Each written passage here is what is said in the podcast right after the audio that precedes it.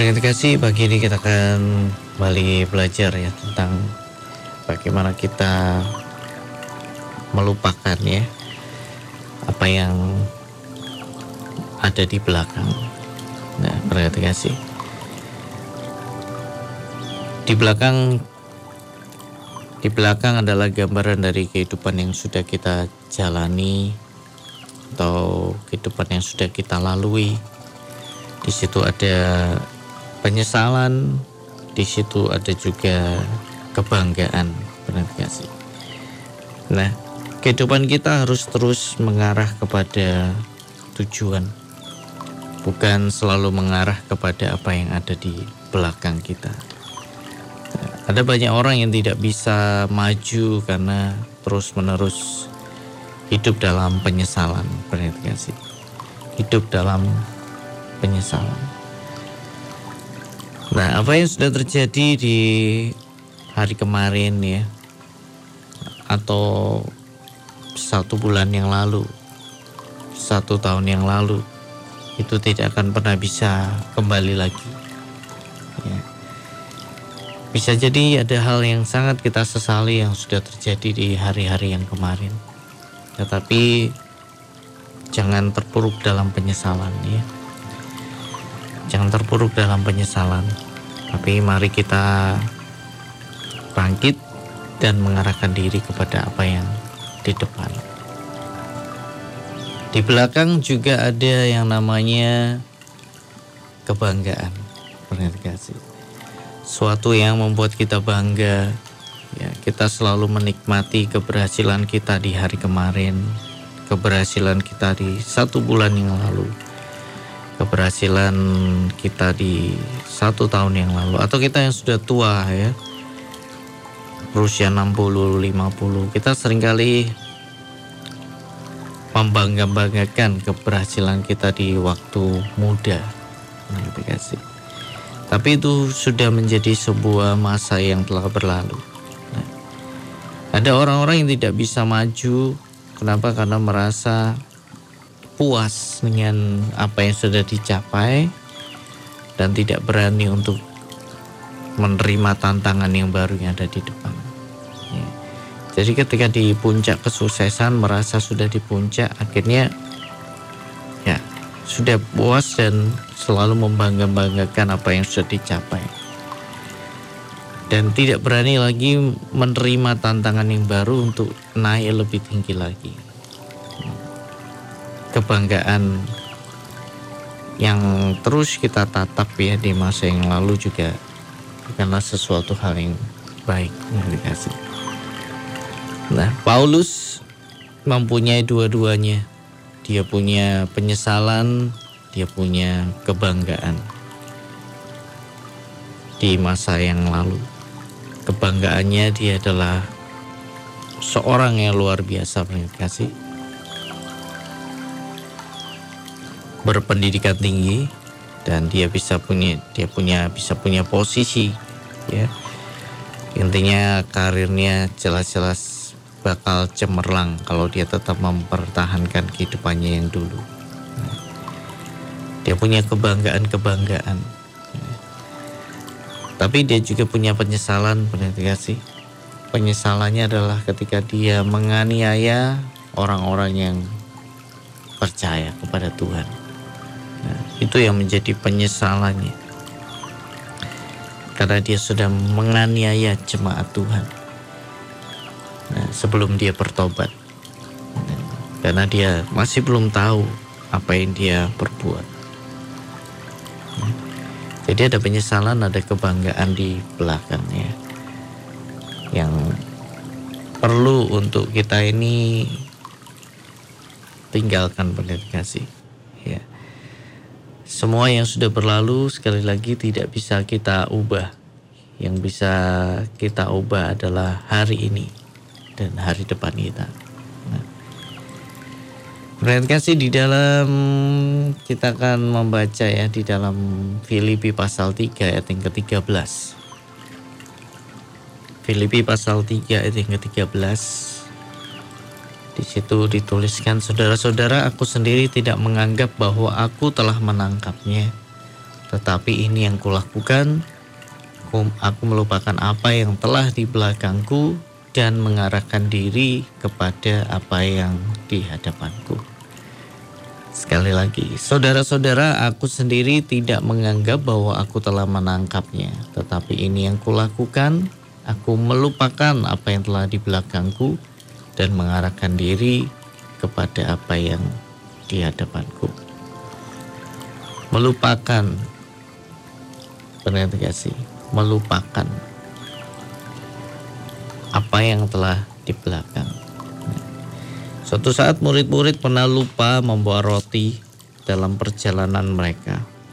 Ya, ketika murid-murid menyeberang danau, ya, mereka dituliskan lupa membawa roti dalam Matius 16 ayat yang kelima. Pada waktu murid-murid Yesus menyeberang danau, mereka lupa membawa roti.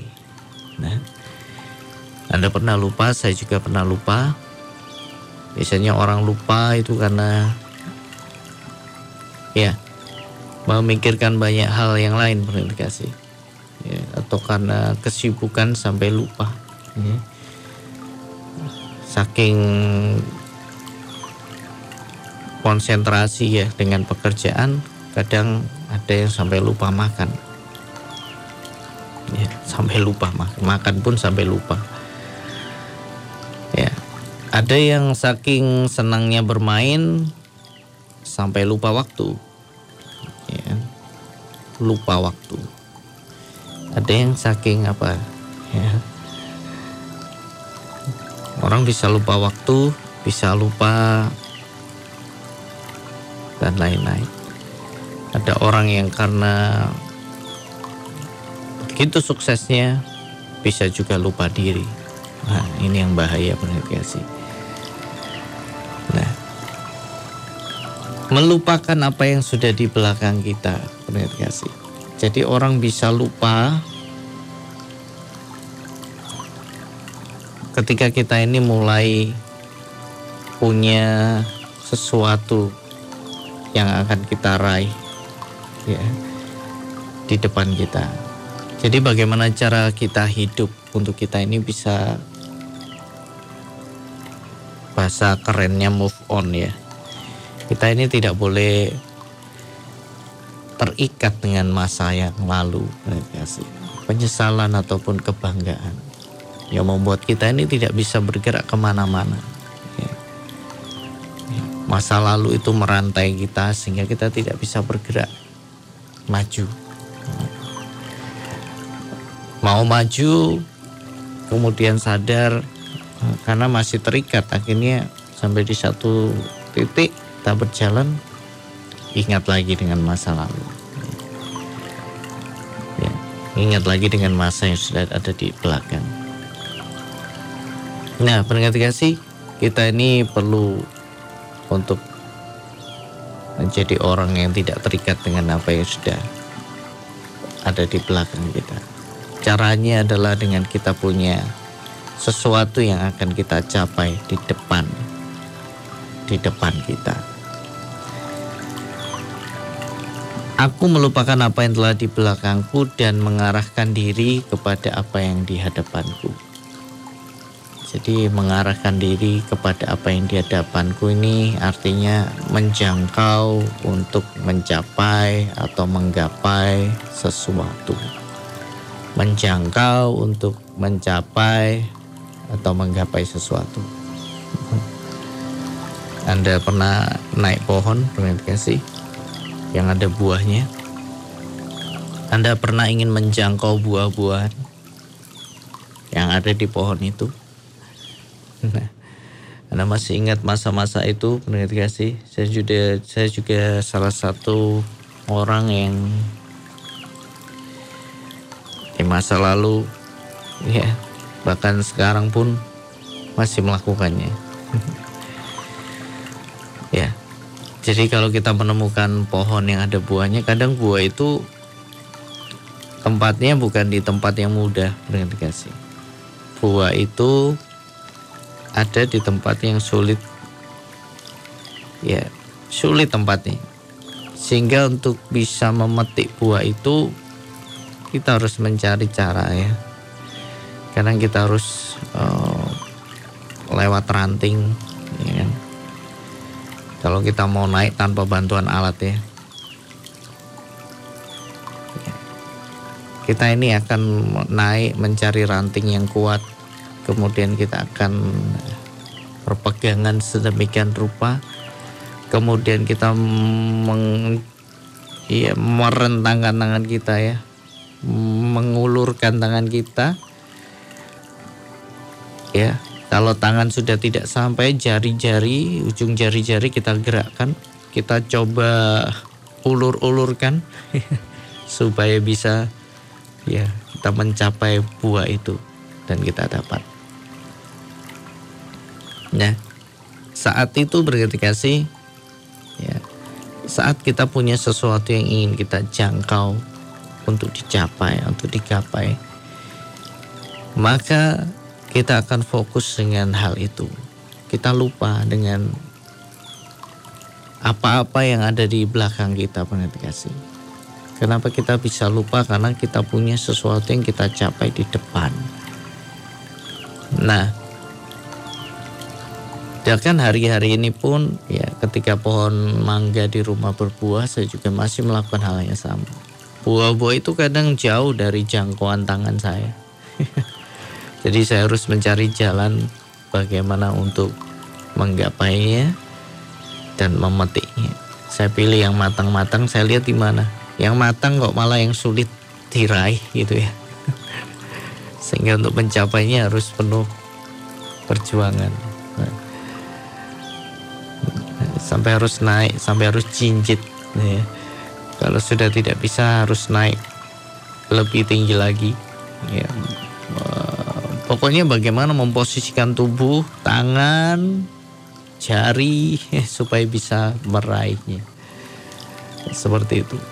Nah, ketika kita berusaha untuk mencapai sesuatu, menggapai sesuatu yang ada di depan, biasanya konsentrasi, perhatian, pikiran, semua akan tertuju kepada apa yang akan kita capai yang ada di depan.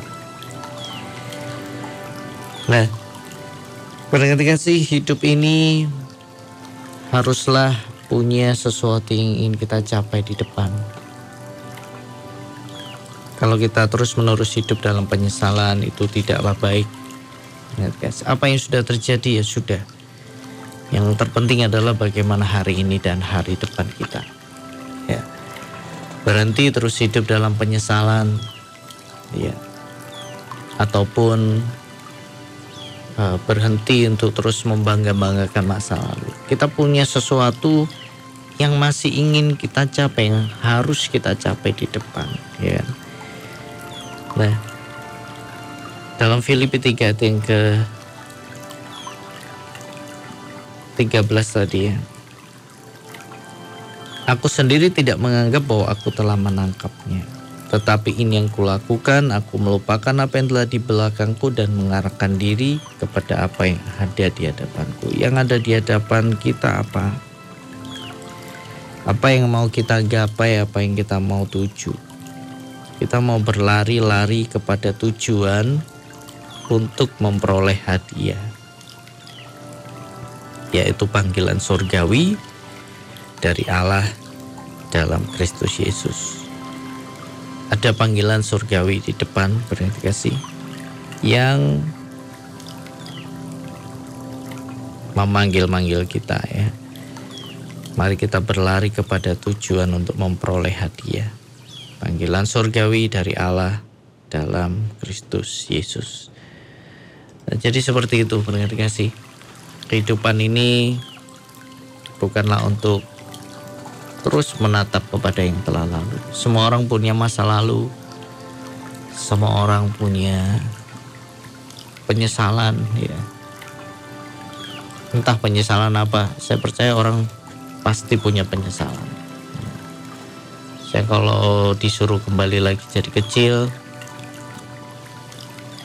saya akan menata hidup saya ya dengan sebaik-baiknya, mengisi hidup saya dengan sebaik-baiknya, ya, dan menjalani hidup ya tidak buang-buang waktu untuk hal-hal yang tidak berguna. Itu sama dengan penyesalan. Jadi kalau Anda kalau saya berkata kepada Anda, kalau Anda bisa menjadi kecil lagi, kembali memulai kehidupan dari kecil lagi, apa yang akan Anda lakukan? Nah, bisa saja Anda menjawab ini dan itu.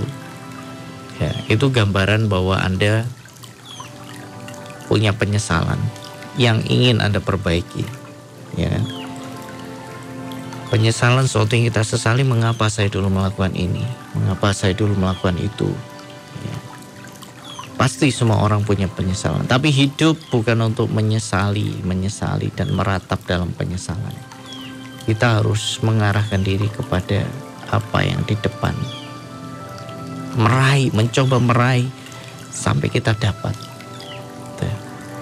Dan mencoba untuk meraih panggilan surgawi ini butuh perjuangan. Pendengar terkasih ya. Untuk sampai pada tujuan kita harus berlari-lari. Ada perjuangan. Kita harus mengerahkan semuanya. Ya, sama seperti ketika kita mau mengambil buah-buahan di atas pohon. Kita mengerahkan semuanya. Ya, kita memposisikan tubuh kita. Ya. Pokoknya bagaimana caranya kita bisa meraih buah itu. Ya, sama dalam hidup ini kita harus berlari-lari bagaimana caranya supaya kita ini menang. Ya, bagaimana supaya kita menang sampai pada tujuan dan jadikan panggilan surgawi ini sebagai sesuatu yang menarik dalam hidupan kita untuk kita raih. Karena orang tidak akan meraih sesuatu yang tidak menarik baginya. Ya kan? Kalau buah-buahan di atas busuk, di atas pohon busuk, ya. Karena ada kadang kala buah-buahan itu sudah busuk di atas pohon. Nah, orang tidak akan mau meraihnya dia akan meraih apa yang dianggap ini menarik bernilai punya arti ya kan? Masih banyak lagi